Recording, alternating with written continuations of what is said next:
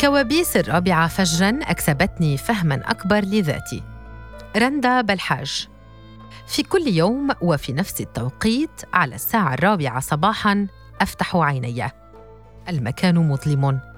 أتحسس الفضاء من حولي. يختلف عن سابقه. أنا لست هناك. أنا هنا. لحظات فاصلة بين زمنين ومكانين. نسق التحول فجائي وسريع. أسترجع بعض التفاصيل وأنهض. تتعدد الوجوه. لا أرى نفس الأشخاص كل ليلة. تتغير الأمكنة ولكن الثابت هو أن هذه المشاهد لا تنقطع تقريبا. والغريب أنها انتظمت وضربت معي موعدا عند مطلع كل فجر. أتذكر أحيانا ما رأيته أو استرجعته لحظة استيقاظي وأنسى أحيانا أخرى ما حدث. أرى كوابيس منذ أسابيع. في الواقع مررت بتجربة الكوابيس هذه في فترات مختلفة. تمشيط صباحي بين الفراش والمطبخ وبقية المنزل وجهل بما علي فعله في البداية وتفصيلات غريبة يصعب فهمها. تواترت أسئلتي على محرك البحث وصار من المعتاد أن أطرح نفس الأسئلة من جديد. أي نوع من الصدمات نتلقاها حين ينقلب ليلنا إلى مشاهد مخيفة؟ متى يتحول الكابوس إلى سبب حقيقي للقلق؟ ما الذي أوصلني إلى هذه المرحلة؟ كيف أعود بسرعة إلى النوم؟ إذا كان لابد من كوابيس لماذا لا أستحضرها جيدا على الأقل؟ في محاولاتي العديدة للبحث عن السبب لوصولي إلى هذه الحالة قرأت حوارا شدني مع المخرجة السورية الألمانية ميس عيفان التي اشتغلت على الأحلام وعلى غرارها فضلت تسميتها بالمنامات عوضا عن الأحلام رفعا للبث بين حلم نأمل منه واقعا ما ومنام يفيد ما نراه أثناء نومنا. لأن ما كنت أراه أثناء النوم لم يكن بالحلم المأمول بقدر ما هو حالة من الهلع. تنتهي برد الأنفاس ما إن أكتشف أنني في بيتي وعلى فراشي.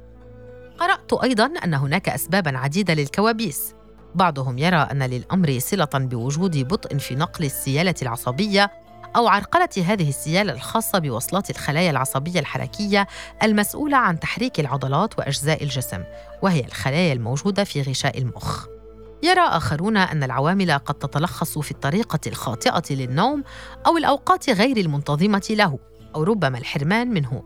نوعية المأكولات التي يصعب هضمها قبل الذهاب للنوم، ولتغيير نمط الحياة دور كذلك في هذه المشاهد الليلية.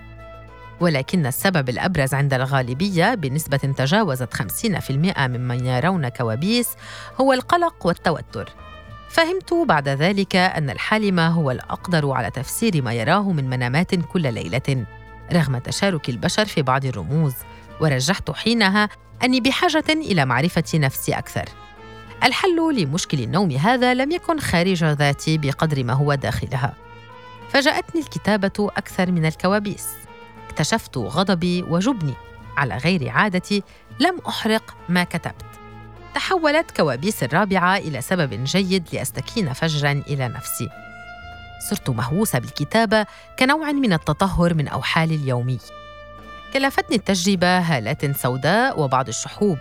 كنت أذهب إلى العمل أحيانا كثيرة دون مساحيق كأنني أتلمس الحقيقة في تفاصيل وجهي أيضا.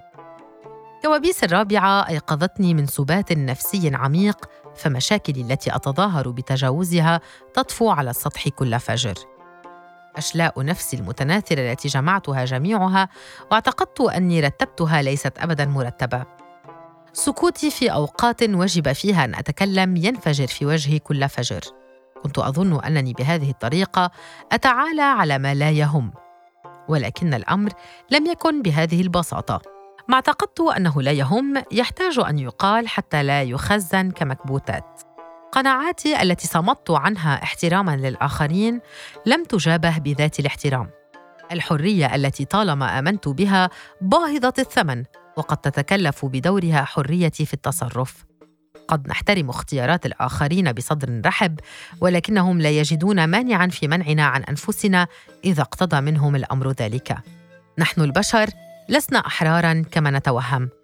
بعضنا يضطر لإخفاء قناعاته الدينية خوفا من صد الآخر وبعضنا يكتم ميولاته الجنسية حتى لا يتهم بالشذوذ آخرون اختاروا الصمت عوض التعبير عن آرائهم السياسية والقائمة تطول لتنتهي إلى واقع خوف جماعي معمم متبادل خوف الكل من الكل. هذا جعل تصرفاتنا مدروسة بشكل يراعي اولا ما يتطلبه السرب الذي ننتمي إليه. لسنا أحرارا بما يكفي حتى نكون أوفياء لحق وهبتنا إياه الطبيعة. وهنا يتلخص هم الإنسان. وجد حرا ولكنه مكبل بالعادات والتقاليد والموروثات وبالآخر في كل لحظات جحيمه. لسنا أحرارا كما يقول زوربا اليوناني. كل ما في الأمر أن الحبل المربوط في عنقنا أطول قليلا من حبال الآخرين. يحاصرنا القمع كسلطة مبثوثة في كل النسيج الاجتماعي. أينما وليت وجهك تحاصرك سلطة ما. وما إن تلتفت إلى نفسك في زحام الآخرين حتى تجد أنك اضطررت للنفاق حفاظا على علاقتك بهم. الآخر قد يكون والدك أو خالك أو زميلك في العمل أو حتى أختك الصغرى.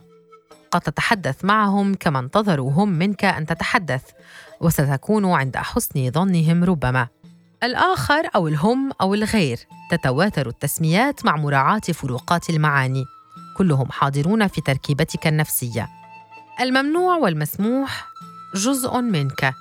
يجسد الانا الأعلى كما صنفه فرويد. أنا أعلى مسلط عليك. يملي عليك قواعد جاهزة ما يجب وما لا يجب فعله.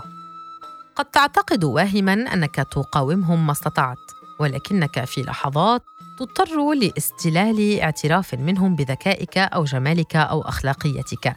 ستحتاجهم. اعتراف يساهم في تمثلك لذاتك. فنحن نرى بعضا منا من خلالهم. إنهم الجحيم الضروري. لكن ماذا عن حقيقتك؟ ماذا عن أناك الحقيقي؟ ستقول إن لك حياتين واحدة لك وأخرى للآخرين وأن النفاق ضرورة حتى بين الأتراب أحيانا. أليس كذلك؟ تذكرت فيلما شاهدته فترة الحظر الصحي لكورونا.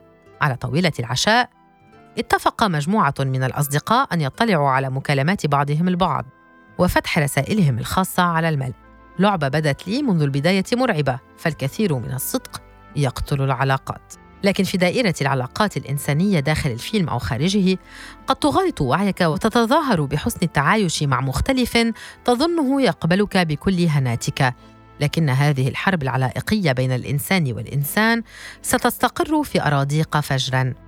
عند الرابعة مثلا حينها سيتوجب عليك أن تكون أنت في مواجهة ذاتك. فتكف عن الكذب. ستقول حينها هل كان علي أن أنتظر كوابيسي حتى أفهم أنني كلما تنازلت عن شبر لصالح الآخرين ابتعدت اميالا عن نفسي؟ قد لا يخترق الوعي الكابوس ولكنه يوقظه. يخرج من باطنك آلامك المكبوتة وكل أسرارك الدفينة. يتصدى لميكانيزمات دفاعك عن شرك المتأصل فيك. إنه يفتح نصب عينيك طريقا معبدة بالحقيقة. يكسر صمتك كل فجر ويصرخ في ضعفك. تحب الكوابيس الحياة لذلك هي توقظك وتدعوك نحوها على طريقتها. رافضة كل نعم حلت محل. لا